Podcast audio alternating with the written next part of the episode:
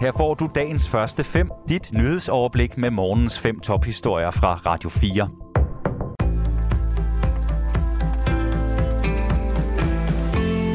Det er mandag den 9. maj. Jeg hedder Signe Ribergaard Rasmussen. Danmark har fra officielt hold udtrykt bekymring over, om Rwanda overholder basale menneskerettigheder. Det er sket ved et virtuelt FN-møde i Genève i januar 2021, få måneder inden de første møder med Rwanda om at etablere et dansk modtagscenter for asylansøgere i landet. Det skriver Jyllandsposten, som har fået udleveret videomaterialet af FN. Den 25. januar sidste år var det Danmarks ambassadør i i Genève, Morten Jespersen, som udtrykte bekymringen til et såkaldt Universal Periodic Review. Det er et eftersyn med et lands overholdelse af menneskerettigheder. Vi er fortsat bekymrede over anklagerne om vilkårlige tilbageholdelser og tortur og mishandling i tilbageholdelsescentre og militærfaciliteter, sagde Morten Jespersen blandt andet på mødet.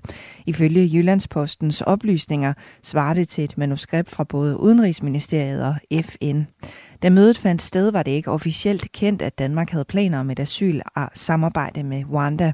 Tre måneder efter rejste to ministre til Rwanda og satte på vegne af regeringen deres underskrift på en ikke bindende aftale med Rwanda om blandt andet en asylaftale.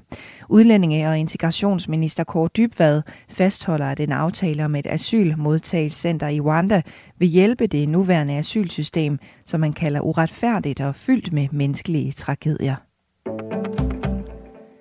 Når Rusland i dag markerer sin sejr over Nazi-Tyskland under 2. verdenskrig, så betyder det ikke nødvendigvis, at præsident Vladimir Putin vil annoncere en optrapning af krigen. Det vurderer seniorforsker Flemming Splidsbol fra Dansk Institut for Internationale Studier.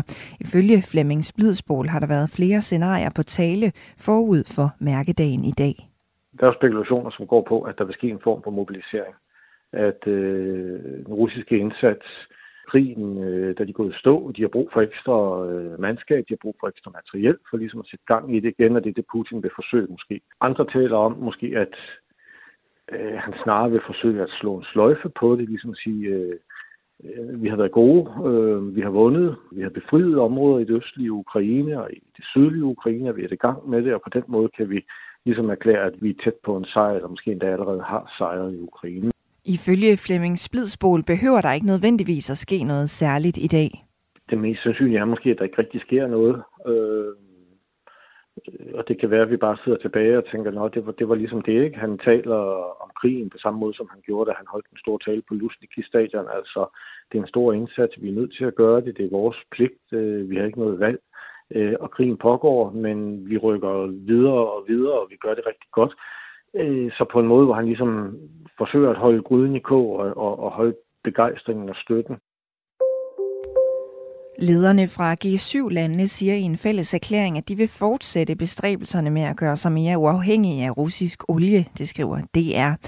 Erklæringen kom efter en videokonference, hvor også Ukraines præsident Volodymyr Zelensky deltog. G7-lederne fordømte samtidig præsident Putins invasion i Ukraine. G7 er et forum af syv af verdens største økonomier. Rusland blev optaget i 97, men blev udelukket i 2014. Demokraterne i USA vil onsdag forsøge at få skrevet kvinders ret til abort ind i federal lovgivning. Det skal ske så en omgørelse af Roe mod Wade-afgørelsen ikke vil fjerne den frie abort. Det skriver nyhedsbureauet Reuters. Helt konkret vil demokraterne forsøge at få et lovforslag, som sikrer retten til abort, stemt igennem senatet. Herlufsholms bestyrelse ønsker ikke, at advokaten Jon Lauritsen skal stå i spidsen for en advokatundersøgelse af skolen. Det skriver bestyrelsen i en pressemeddelelse. Det skyldes, at Jon Lauritsen er partner i samme advokatfirma som en advokat, der er gift med et medlem af Herlufsholms bestyrelse.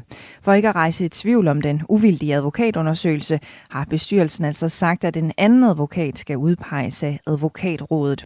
Det sker også, selvom der ifølge bestyrelsen ikke foreligger en interessekonflikt i forhold til Jon Lauritsen. Herlufsholm varslede en uvildig advokatundersøgelse i onsdags. Det skete dagen før, at en dokumentar, hvor tidligere elever fortalte om en voldsom kultur, blev sendt på TV2. Dagens første fem er tilbage igen i morgen tidlig. Hvis du har brug for en nyhedsopdatering inden da, kan du altid fange os i radioen, på nettet og i vores app. Vi høres ved til dagens første fem fra Radio 4.